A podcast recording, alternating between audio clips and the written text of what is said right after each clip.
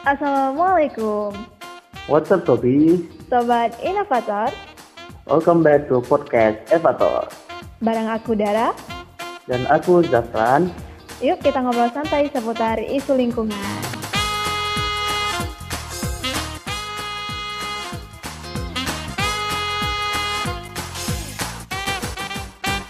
Nah, hari ini kita bakalan ngobrol tentang apa nih, Zafran? Kita akan ngobrol tentang dampak COVID-19 terhadap lingkungan.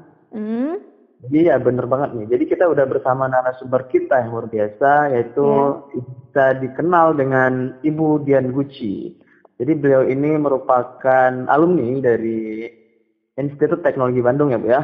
Terus juga dengan berbagai pengalaman kerja seperti penulis, juga pernah jadi penerjemah dan dan pernah menjadi kepala sekolah gitu ya. Jadi udah sangat udah sangat berpengalaman nih eh, narasumber kita yang satu ini. Mungkin bisa diceritakan sedikit Bu eh, eh, perkenalan singkat dari Ibu ini. ya boleh Bu. Iya, oke boleh. Iya, saya memang memang lebih banyak menulis dan menerjemahkan ya. Ya Bu. Tapi saya juga berkegiatan di lingkungan hidup melalui organisasi perempuan peduli loser. Organisasi ini namanya juga perempuan peduli loser ya. Isinya orang-orang perempuan. Hmm. Kebanyakan masih muda sih, ibu aja yang udah tua. Oh, iya. dari Banda Aceh Bu ya? Ya, di Banda aja dari ke lima kabupaten anggotanya. oh, Jadi itu awalnya adalah satu inisiasi dari eh, Lestari. Kemudian kami dikumpulkan gitu ya, diberi pelatihan, kemudian kami teruskan menjadi sebuah wadah di mana perempuan-perempuan yang peduli pada ekosistem Loser dan Gunung Losernya berkumpul dan berkegiatan. Kegiatannya berkisar dari kampanye penulisan, kemudian kegiatan di lapangan ya betul-betul. Karena anggotanya ada yang juga ranger di Taman Gunung Loser, eh, kemudian ada yang blogger, macam-macam.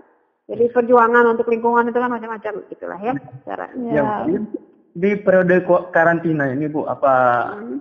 tetap aktif gitu Bu? Eh, mungkin secara online atau gimana tuh eh, kegiatannya? Mungkin bisa Iya, kami selalu ini ada ada meeting lewat online ya, kan udah zaman sekarang ya orang meeting online. Tapi memang lagi ada kegiatan, tapi saya belum bisa ngomong kegiatannya apa karena lagi ini lagi ongoing. Ya. Kaitannya sama kegiatan lingkungan hidup juga gitu ya. Jadi yang betul-betul aktif ini kan ada 10 orangan lah ya, termasuk ada di jurnalis juga. Nah itu lagi me, me- ah, gimana saya ngomongnya ya, karena ini masih rahasia. Oh, nggak apa-apa Bu, Mas. Ah, ah, rahasia. Jadi nanti kalau udah kalau udah memang sudah eh, bapak udah goal udah terjadi boleh lah kita Ya. buka semuanya. Mungkin Gitu ya. ini bisa collab juga sama kita, Zafran ya. Boleh, Iya, boleh, betul. boleh. Ah, lebih baik nanti, ah, ah, boleh. Saya sarankan untuk ketemu sama kawan-kawan muda yang memang di lapangan, Iya. biar asik gitu ya dengar ceritanya. Ya, Iya, Bu. ditunggu nih Bu. Iya benar. Oke oke. Gimana gimana? Oke. Eh, Dara, kita Ya. masuk aja langsung ke pertanyaan pertama. Oke. Oke, pertanyaan. Siap siap. Nah jadi langsung aja nih Bu, kan Ibu udah cerita juga tadi sedikit yang menunjukkan bahwa Ibu ini memang penggiat lingkungan ya dan juga pasti udah memperhatikan nih lingkungan eh, sekitar. Nah kira-kira Bu, kan selama COVID ini nih, COVID-19, ada nggak sih Bu hal-hal yang terdampak secara langsung terhadap lingkungan karena disebabkan oleh eh, COVID-19 ini Bu? Ada dong. Eh, apa aja tuh Bu? Saudara sama Zafran memperhatikan nggak bahwa ketika kita tidak diperbolehkan keluar, ada Mhm. beberapa kampung yang ditutup di Banda Aceh, langit Ada. Banda Aceh itu kembali biru. Ada perhatiin nggak? Ada, ada. Iya, benar. Ah iya. Iya. Tentu saja itu kan dampak langsung ya karena kita Iya. nggak keluar, nggak menggunakan kendaraan. Orang Banda Aceh kan ini ya apa sangat berkecukupan tuh rata-rata satu rumah tangga rata-rata punya dua buah motor sepeda motor ya. Iya. Dua-duanya aktif ya kan. Iya, iya, benar. Jadi setiap harinya itu emisi gas buang di Banda Aceh itu sampai entah berapa persen gitu ya. Sampai seperti Jakarta sih enggak, tapi smognya sudah mulai ada. Nah, ketika kita diam aja di rumah dua minggu itu, itu kan ibu masih keluar kan ke pasar apa kayak gitu, rasanya segar lagi udara. Ibu pindah lagi ke Banda Aceh tahun 2007 ya. Waktu Iya. itu langit Banda Aceh selalu biru. Sekarang kan jarang biru. Nah, tapi selama dua minggu itu nampak lagi biru. Gitu. Nampak lagi Gunung Solawah dan seterusnya. Gitu, itu salah satunya. Terus Yang kedua, kalian eh, pasti tahu dong bahwa di Banda Aceh ini masih ada binatang liar. Iya. Tahu kan? Ah, ah. Paling tidak di sekitar rumah kami itu ada tiga jenis binatang liar yang bisa dicatat. Ada cerape, Ah, ada oh, cerape yang kecil itu ya, cerape kecil. Kalau di tanah Jawa namanya garangan. Terus Oh, cerape yang besar, civet kalau bahasa Inggrisnya. Itu udah termasuk binatang langka tuh. Dan ada babi hutan. wah. Waduh. Ngeri juga ya. Termasuk babi hutan. Ya, jadi selama dua minggu kita dikunci di rumah itu mereka berkeliaran bebas tuh di perumahan tuh. Wow. Mondar mandir nggak takut. Mm. Artinya kan mereka thriving juga serius. Wah, aduh. Heeh. Ini Ya kan karena- begitu ya. Hmm, gimana? Enggak, eh, mungkin kalau misalnya bicara langit biru nih, karena kan beberapa ada juga info nih dari beberapa negara kayak misalnya di Italia, di India kemarin yang pegunungan Himalaya itu bukan. Jadi Hmm, udah udah 30 lagi. tahun kalau nggak salah, udah 30 Ah. tahun nggak pernah nampak, tapi akhirnya nampak gara-gara lockdown ah, ini ya. Iya betul. Sama ini juga ya kan yang terasa sekali di Venesia ya. Air Iya, apa, kanal-kanalnya jadi jernih ya iya. Kayaknya sama di pada juga kayak gitu karena kita kurang ya kegiatannya. Akhirnya alam punya waktu untuk meriset tombol kali. Yes. Jadi ulang lagi kayak gitu. Itu secara Mengobati globalnya aja ya. Mengobati diri sendiri benar. ah, ah. Tapi ya itu ya sedihnya masa sih manusia mesti punah dulu baru alam bisa Bisa sehat. memulihkan diri ya. ah, ah. Masih jadi virusnya kita dong ya. Iya. Siap, siap. Mungkin Bu, eh, lebih ini pertanyaan selanjutnya mungkin ada lebih spesifik lagi nih Bu. Karena, eh, karena kan eh, dengan lockdown ini bukan lockdown lah istilahnya. Eh, periode karantina ini juga orang kan keluar itu banyak menggunakan masker.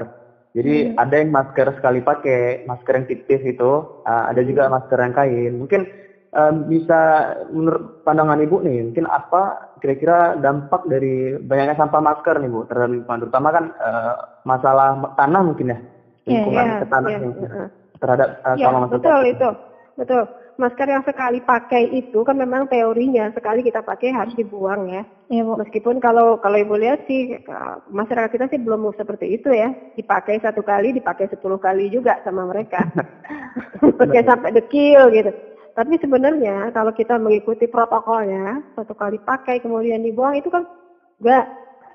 Untungnya masker itu kan dari kertas dalamnya kan, dari pulp kertas. Kemudian di luarnya juga kain apa namanya itu kain eh apa namanya sponbond ya. Ah. Jadi ya? sebetulnya ah, sponbond terus itu jadi lebih mudah hancur sebenarnya. Tapi tentu saja itu harus ditangani dengan benar. Nah, Karena itu kan limbahnya limbah medis namanya kan. Kalau limbah medis penanganannya nggak bisa sembarangan, nggak bisa diangkut sama abang-abang eh, pengangkut sampah yang biasa sebetulnya. Nah itu juga sebetulnya oleh pemerintah harus dipikirkan ke mana sih sebetulnya masyarakat harus membuang sampah medis seperti itu. Ya mending kalau yang nggak memang belum kena virus apa pun nggak apa-apa ya dibuang di sampah biasa. Iya. Tapi kita kan tapi kita membiasakan penanganan yang sesuai protokol dong gitu ya supaya memang memang ada gunanya kita pakai masker. Kalau kita coba pakai masker begitu aja ketika dibuang tidak ditangani secara benar, ketika dibuangnya itu selain polusi, ya virusnya juga bisa nular pada orang yang menangani sampahnya kan.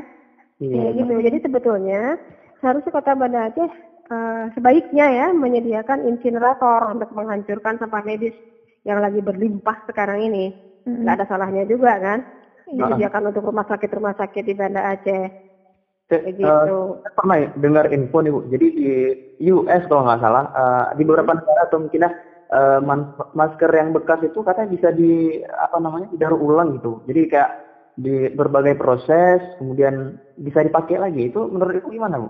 Enggak, kalau ya memang maksudnya begitu sama seperti kertas ya, kertas kayak gitu memang bisa didaur ulang. Oh, Tapi kalau dalam situasi pandemik seperti sekarang ya, coba pikirkan, sebaik-baiknya proses daur ulang pasti ada yang tertinggal kan? Iya, iya. oh, Ya, jadi kalau yang bisa didaur ulang itu hanya peralatan medis, masker medis yang digunakan untuk menangani bukan pasien infeksi. Oke. Jadi kayak operasi aja yang Heeh. itu yang apa ya, yang tidak mau apa tidak punya resiko kontaminasi tinggi.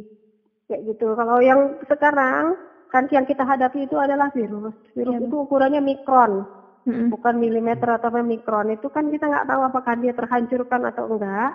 Tentu saja ya kalau tidak ulang kan pakai panas yang tinggi. Itu tetap aja lebih baik tidak gitu kalau sampah medis itu dihancurkan aja. Nah, Gitu dong. incinerator tadi Bu ya. Incinerator, mm-mm. Hmm, siap, siap. Berarti Bu, selama ini yang eh, sampah-sampah medis, eh maksudnya yang masker tadi yang bukan terinfeksi sama virus, masih ada peluang didaur ulang Bu ya?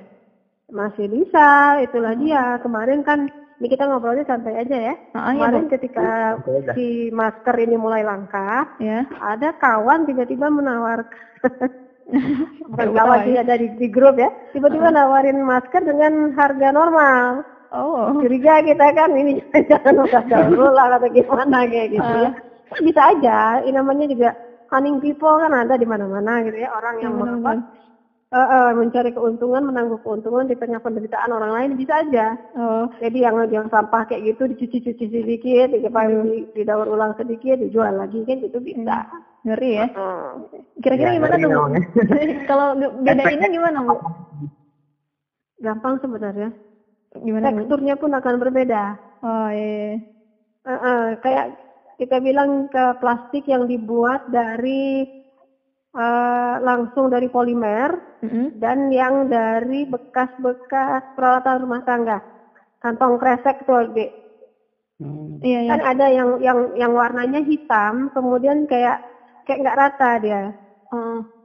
dan baunya juga aneh nah itu dia hasil eh, daur ulang katakanlahnya secara sederhana dari plastik ba- barang rumah tangga kayak botol sampo gayung apa kayak gitu dihancurkan dicetak lagi dan dijadikan kantong plastik karena sampai saat ini eh, di Indonesia mungkin belum belum bagus ya teknologinya sehingga belum bisa menghasilkan kembali botol. Jadi yang bisa itu adalah kantong plastik.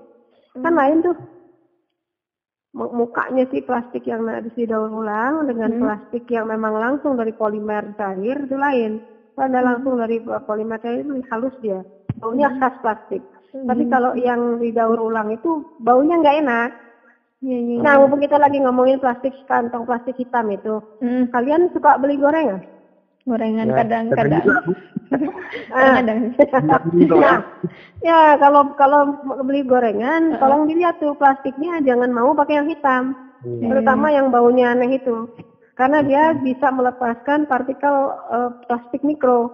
Wah. Jadi baru ditaruh aja ke situ, gorengan kita tuh udah tercemar dengan poli apa plastik mikro, gitu loh. Oh, Berarti plastikan baru itu yang warna putih Bu ya? Eh, yang Baik yang putih, iya yang putih ada licin dia, eh, agak agak gimana ya? Pokoknya baunya juga bau khas plastik gitu. hmm, Lebih baik kalau terpaksa menggunakan plastik, gunakan yang seperti itu, jangan yang hitam yang apa ya? Kalau bahasa mama saya tuh blog-blogan warnanya, ya nggak rata warnanya. tuh. Bukan. Blog-blogan bahasa mama saya. Gimana gimana?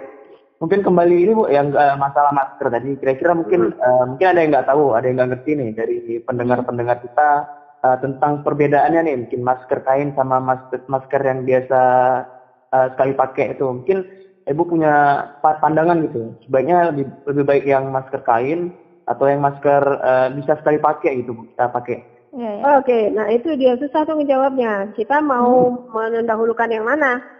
Kalau mendahulukan keamanan tentu lebih baik yang sekali pakai. Keamanan secara medis. Mm-mm. Tapi kalau di- ngomongin lingkungan hidup, tentu saja masker kain. Kalau saya menganjurkannya masker kain aja. Pertama karena masker medis itu udah langka. Mm-mm. Yang kedua, masker kain juga bisa dibuat untuk cukup menyaring partikel halus sampai mikron kok. Sampai ke apa namanya ke ke virus bisa juga. Asal kita menggunakan kain tertentu dan melapisinya dengan sesuatu yang lain gitu. Barangkali kalian juga udah tahu dong. Pastinya kain katun, eh, kayak kain katun, dalamnya dilapisi tisu dan seterusnya. Lebih baik itu karena bisa kita cuci kainnya. Tisunya bisa kita ganti. Tisu kan relatif mudah hancur. Jadi secara eh, lingkungan nggak terlalu mengganggu, tidak seperti eh, yang lain-lain gitu. Oh keren keren keren Siap, siap. Oke. uh, udah udah selesai nih pertanyaan tentang masker maskernya bang. Udah udah udah udah kuat Udah. jawaban dari penasaran bang. Oke, jadi tadi kita bisa dapat juga sih sebenarnya kayak satu pesan kalau kita mau pakai plastik, terpaksa kali pakainya plastik yang putih aja ya, jangan pakai plastik hitam. Sama kita juga harus lihat dulu tek- teksturnya bu ya. Iya. Iya benar. Oke, eh, kita lanjut nih. Eh, untuk pertanyaan selanjutnya Bu, sebenarnya ini berkaitan juga sama jawaban Ibu tadi tentang polusi udara. Nah, Mm-mm. kalau misalkan kayak Ibu bilang tadi kan sebenarnya berarti bisa terlihat nih secara kasat mata bahwa polusi udara tuh bisa teratasi lah untuk beberapa waktu ini. Nah, kalau misalkan untuk jangka panjang itu kira-kira gimana Bu? Jangka panjang berarti kita harus menghancurkan semua kendaraan bermotor, harus tutup semua pabrik. Oh, gimana tuh Ya, secara ekstrim kayak gitu ya. Nah, itu yang sulit. Nah, satu-satunya yang bisa kita lakukan adalah meminta orang industri untuk mengendalikan polusinya. Mm-mm, Sekarang kan udah ada dong bensin yang ramah lingkungan kan ada kayak gitu. mm-mm, Kemudian ada juga mobil yang eh, apa namanya emisinya tidak besar, emisi gas buangnya nggak besar. Sebetulnya ya kita ke situ aja, kita arahkan pemakaiannya ke situ aja karena nggak mungkin kita kita eh, hancurkan semua kendaraan bermotor, kemudian tutup semua pabrik. Memangnya kita mau membunuh buruh pabrik gitu ya yang bekerja Iya. bekerja eh, bekerja di pabrik itu nggak bisa seperti itu. Iya, Sekarang ini ya blessing in disguise-nya dari COVID-19 ini adalah ya itu tadi Mm-mm. lingkungan hidup kelihatannya seperti menekan uh, tombol restart gitu ya. Iya, iya. Tidak memperbaiki diri sendiri tapi itu tidak akan lama efeknya. Bahkan tidak seperti waktu tahun 2008 2009. Kalian di mana waktu itu TK ya? Mm, iya, oke. itu pernah ada ini, ada pernah ada kesulitan ekonomi global kan. Ketika itu juga ada perbaikan pada lingkungan hidup, udara menjernih, kemudian sungai juga menjernih kembali. Itu karena banyak pabrik yang tidak beroperasi di Eropa dan di Amerika. Itu Oh. efeknya untuk lingkungan hidup lebih panjang karena pabriknya ditutup Hmm. agak panjang waktunya karena memang bangkrut gitu ya. Mm-mm. Sedangkan yang sekarang ini kan tidak hanya ditutup sementara. Iya, Masa tapi kita doakan supaya mereka bangkrut kan bisa. tapi mungkin ada kemungkinan juga eh, kayak dunia itu terkejut, eh, bumi itu terkejut karena kan eh, selama ini eh, istilahnya ya eh, berhenti sejenak. Terus nanti bisa jadi nih setelah udah aktif kembali mereka malah mengejar ketertinggalan selama ini. Jadi kayak produksinya malah lebih lebih gencar nih daripada yang sebelumnya. Jadi Jadi terkejut parah. kaget nih gini. Eh, lebih parah takutnya kan, Bu ya. ya bisa aja. Karena mau mengejar ketertinggalan ekonomi, kita, kita- kalau pabrik yang ditutup satu, ternyata yang dibuka lagi dua misalnya. Bisa lebih parah memang, memang betul. Memang Jadi itu, mm-mm, itu adalah tugasnya pemerintah. anak muda sih. Hah? ya anak udah. iya. pemerintah ya itu apa namanya perannya di situ mungkin bisa membatasi apa produksinya Ya, ya. Sebetulnya kan em, yang bisa kita lakukan itu adalah mencoba untuk go green kan. Benar. Jadi dari yang kecil-kecil aja dulu lah. Kan kita tadi sedang membicarakan udara ya. Iya, Bu. Sebetulnya kan pemerintah kota Banda Aceh itu sudah melarang membakar sampah. Tuh.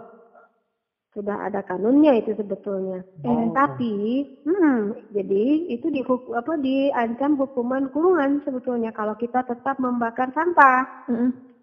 Tapi kan tidak banyak yang bisa melaksanakan himbauan apa, apa pemerintah kota ini karena memang sistem pembuangan sampah di Banda Aceh belum terlalu teratur kan Iya. belum eh, eh, eh, tukang sampah itu belum masuk ke semua gampong Iya, iya, iya. kan gitu Eh, dan kalaupun masuk si penghancuran si sampah ini juga masih tradisional belum seperti di negara-negara maju yang sampahnya dipilah Hmm. menurut yang bisa didaur ulang, yang plastik, yang kaca kan di- dipilah. Kalau kita kan belum, Mm-mm. semuanya masih ditumpuk di sana tuh di kampung Jawa nih kan. Ya tantangannya mungkin kalau misalnya ada beberapa keluarga yang udah udah sadar nih akan memilah sampah, tapi pada akhirnya juga di Sama aja kan, sama aja ya. Nah, nah, bersatu kembali itu.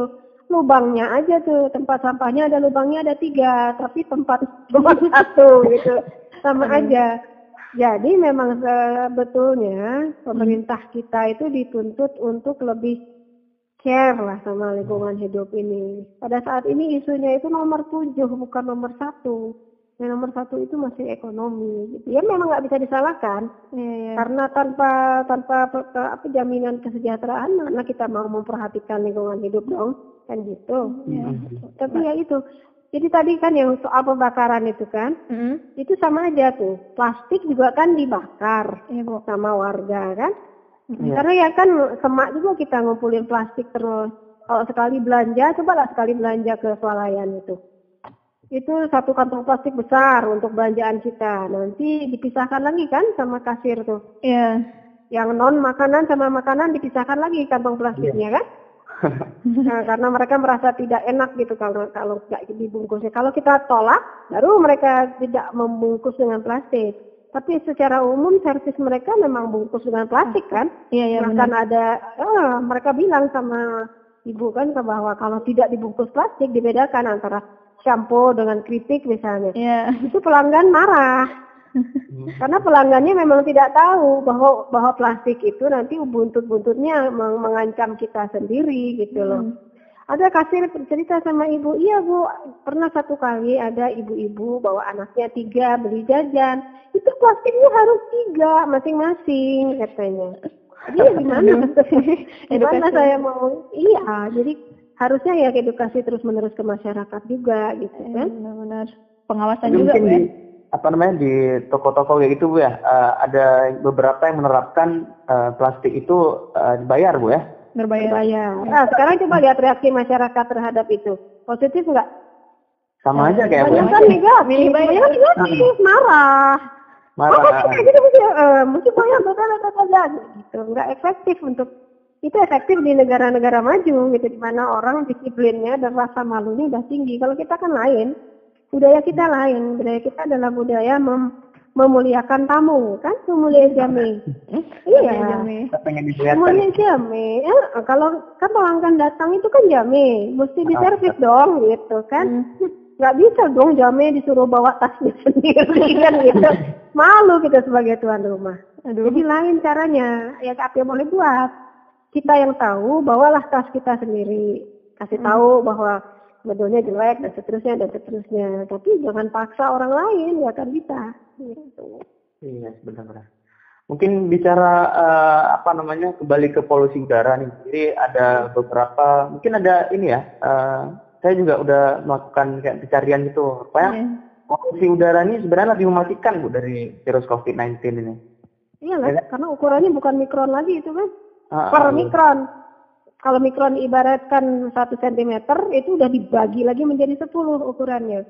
Nah, Dan bisa masuk dengan bebas ke paru-paru. iya, Gitu. benar-benar. Hmm. Apalagi kalau misalnya eh, di kampung-kampung nih, jadi kayak orang bakar sampah sembarangan. Karena jujur di, di daerah rumah saya memang setiap sore itu kita sangat nggak nyaman gitu. Eh, Ya. Pasti ada orang yang membakar sampah. Nah, Ya. jadi mungkin, nah ditakutkan nih bu, karena kan setiap hari terus terpa- terpapar. Kita nggak tahu nih apa yang eh, ke depannya kan.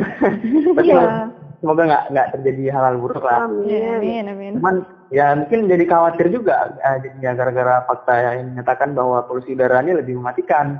Jadi ya Sekarang Kalau- kalau Zafran kalau Zafran tega, bilang aja sama para tetangga tuh, maaf ya ibu harus bilang tega gitu ya. Karena gini, kayak ya ibu ambil contoh di rumah ibu aja ya. Ah, Di eh, apa di daerah rumah ibu ini ada eh, pedagang kecil, dia berdagang air tebu. Mm. ya. Kan itu eh, sampah tuh banyak sekali tuh ya bu bekas-bekas perasan tebunya tuh kan. Nah itu kan nggak bisa diangkut nggak mau diangkut sama apa eh, ini sampah tukang sampah. Jadi harus mereka bakar.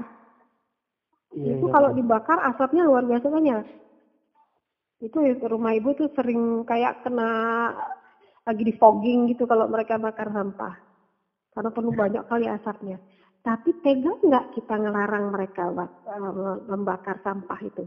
Karena pemerintah belum menyediakan sarana untuk menangani sampah ini. Kan nggak mungkin kita bilang, Hai jangan bakar sampah tebu kau tuh. Kan mereka ini apa namanya Usaha ya. itu adalah mata pencarian mereka iya. Iya. kalau dia sudah punya mata pencaharian yang tidak menyuruh, tidak memaksa mereka untuk membuat polusi, ya terserah, boleh kita bilang, boleh kita ingatkan mereka. Tapi kalau dalam keadaan seperti itu, apa kita omong? Gitu. Kan balik lagi jadinya kepada pemerintah. Mm. benar-benar. pemerintah memang punya andil besar Bu ya dalam uh, hal permasalahan polusi, sampah dan segala macamnya.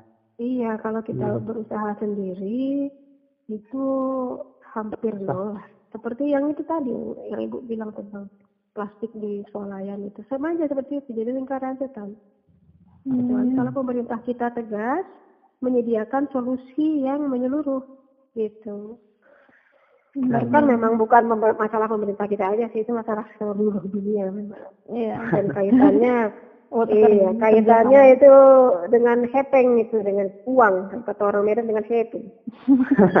Kalau mm -mm, kalau kita sudah bisa menjamin kesejahteraan rakyat, baru kita bisa larang mereka ini itu. Kalau enggak, udah deh ngomong-ngomong gitu. Berarti PR-nya itu masih banyak kali, Wes. Sangat banyak, hmm, sangat banyak. Ya, siap. Selamat ya itu kalian itu yang akan sakit kepala. sebagai generasi muda.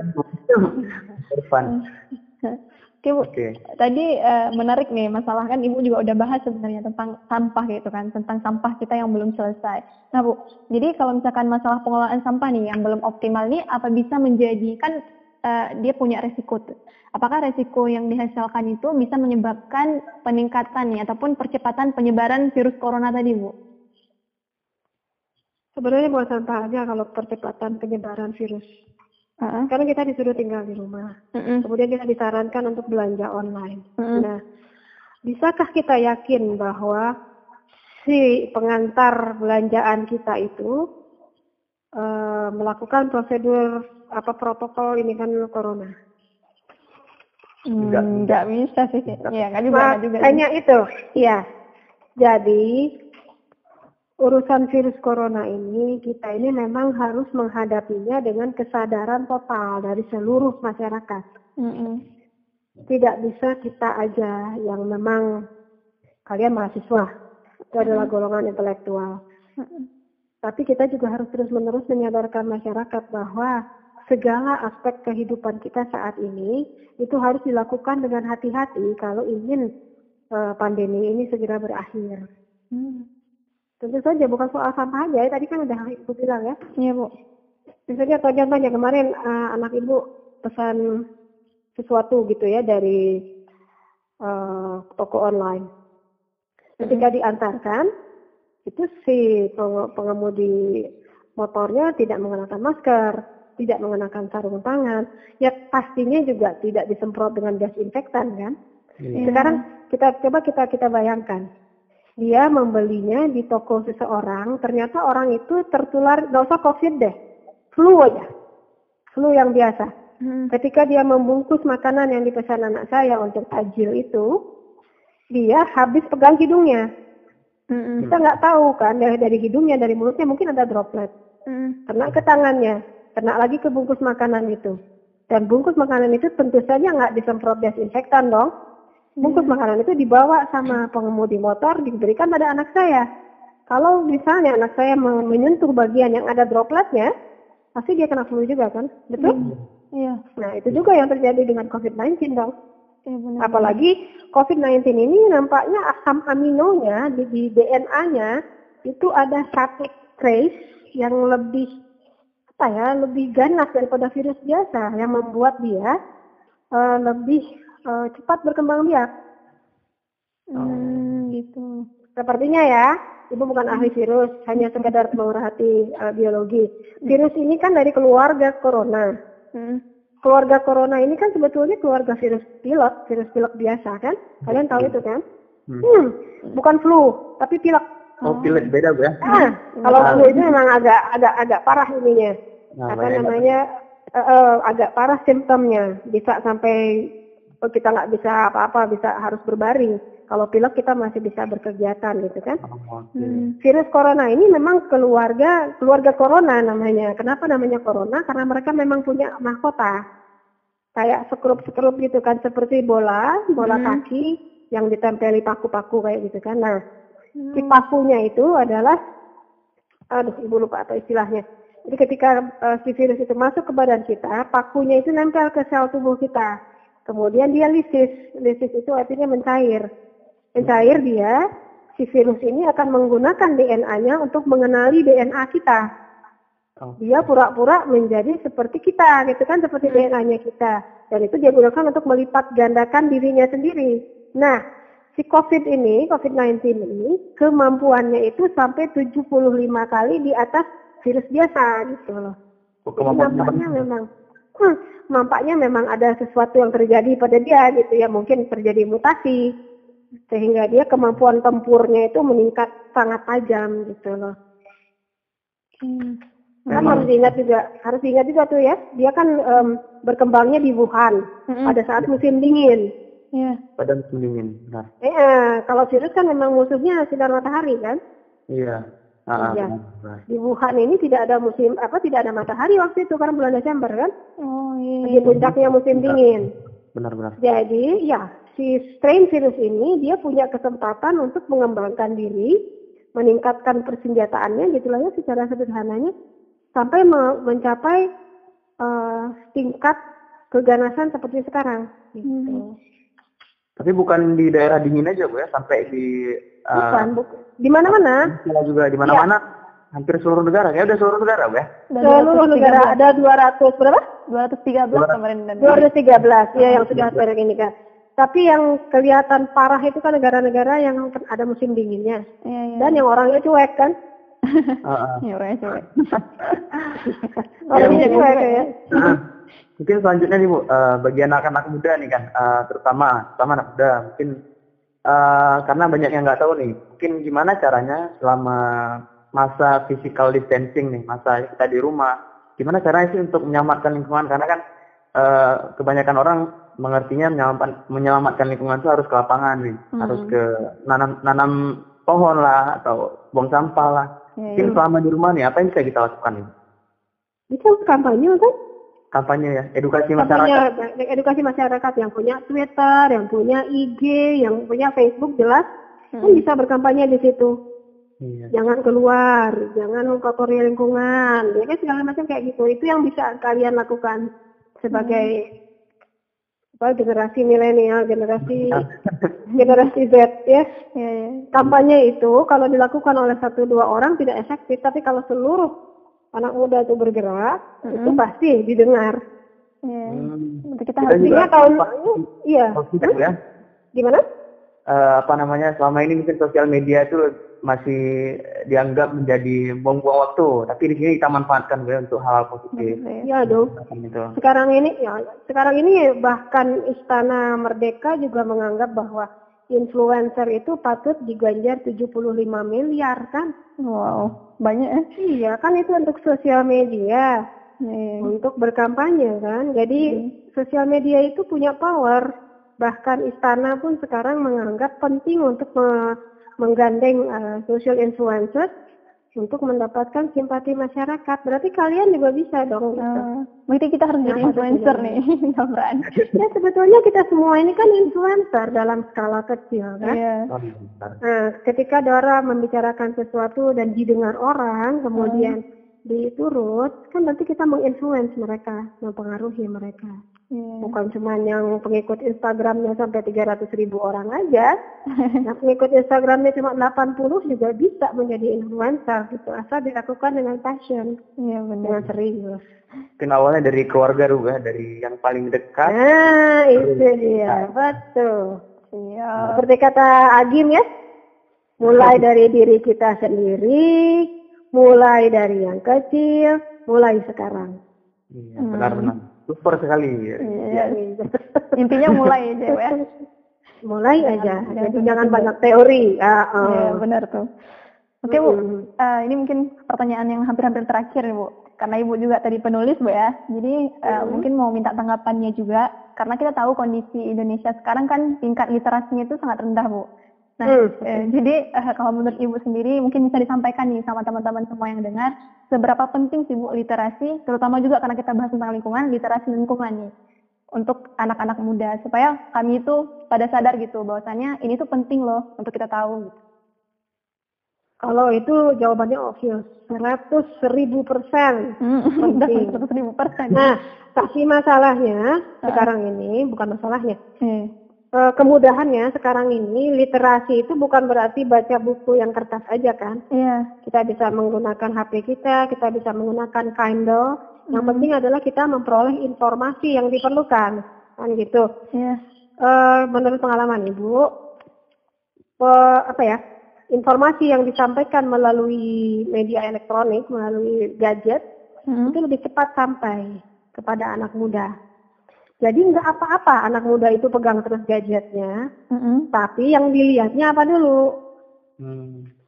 Kan Yang bisa aja kan? ya. Iya, yang bermanfaat. Jadi yang memang eh, informasi yang berkaitan dengan ilmu ya lingkungan, berkaitan dengan politik. Jadi jangan kalau baca Facebook boleh, tapi coba baca postingan orang-orang yang em, orang-orang yang berpengaruh di di bidang yang inilah ya yang penting gitu. Jadi jangan baca baca cerita bahwa kawan kita pacarnya baru baru lagi gitu ya nggak usah lah bukannya nggak boleh nggak usah lah Oh, Waktu ya gunanya juga minimal kan iya Nggak penting. Heeh. Jadi untuk meningkatkan minat baca kita bisa aja sih dari dari gadget nggak apa-apa juga gitu ya Iya. Heeh. cuman ya Bijak-bijaknya kita bu ya. Gunakan Iya. gadget untuk apa? betul. Ini anak muda nih. Siap. Karena kita juga anak muda bukan? Betul. Kan sekarang banyak tuh situs-situs yang kita bisa baca novel gratis kan, termasuk membuat novel. Kayak di Wattpad, di Quiku gitu kan bisa kita masukin. Iya, bisa. Udah tahu kan ya Quiku ya? Oh, itu itu Nah. Kalau udah Quiku itu baru itu dia itu punya memang punya orang Indonesia. Oh, Kita bisa baca novel gratis di situ bisa buat novel gratis. Ya kalau buat novel kita lah yang bikinnya. iya, Cuman mereka bisa memasarkannya kan gitu. Nah itu kan eh, kebanyakan free mereka ininya um, untuk membaca novelnya. Kan bisa kita gunakan gadget kita untuk baca gitu. Wah, Bukan sekedar untuk bergosip. Iya benar. Eh, manfaat bu jawabannya. Mungkin eh, ini pertanyaan terakhir bu. Eh, yang terakhir juga sekaligus menutup kita mungkin eh, harapan nih bu. Harapan apa yang ingin disampaikan nih kepada anak-anak milenial kita nih? Ya, termasuk kami, Bu.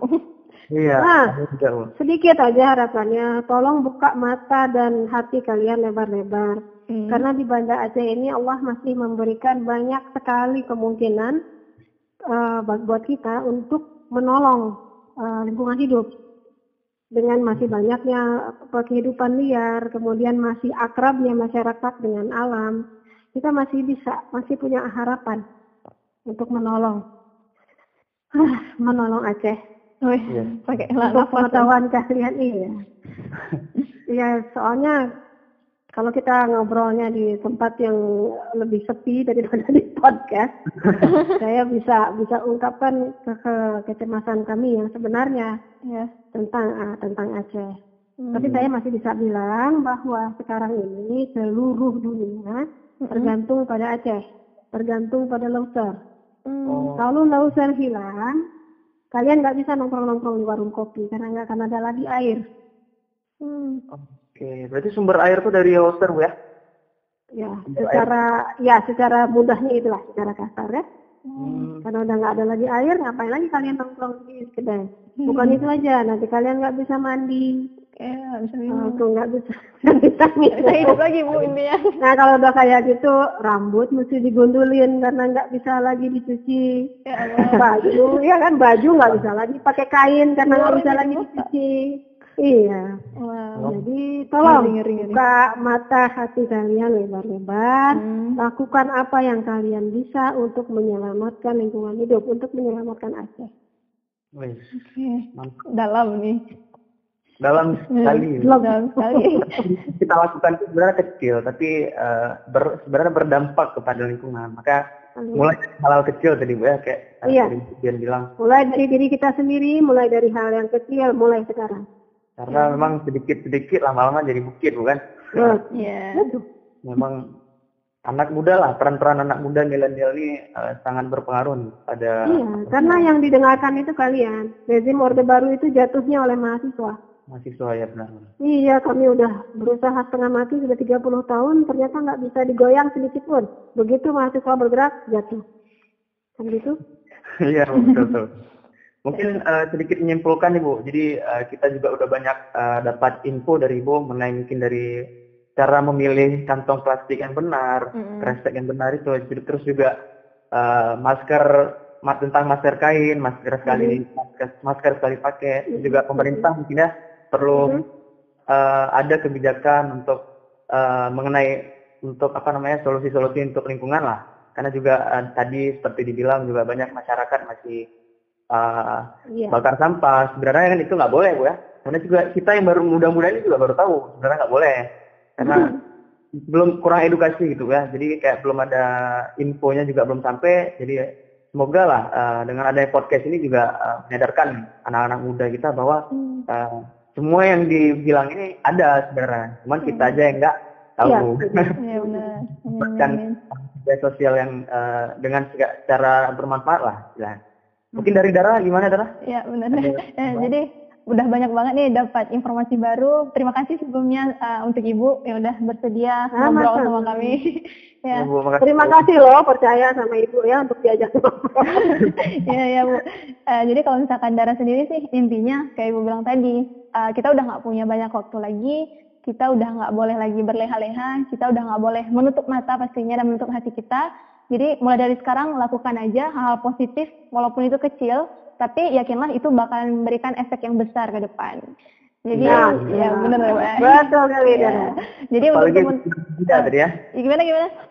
Sosial media tadi. Ya. Uh, sosial media. Kita punya punya senjata yang sangat besar di tangan ya, kita. Media. Nah kalau per pakai sosial media. Iya benar. Bahkan ibu tadi juga menyarankan kalau misalkan kita semua itu berkesempatan gitu untuk jadi influencer. Jadi lakukan aja gitu hal-hal yang kecil tapi bisa bermanfaat bagi orang. Mm -hmm. Oke, okay. ya. Jadi uh, kayaknya sampai sini dulu deh obrolan kita hari ini. Uh, tadi terima kasih untuk ibu juga. Jadi Oke okay, kembali. Oke, okay.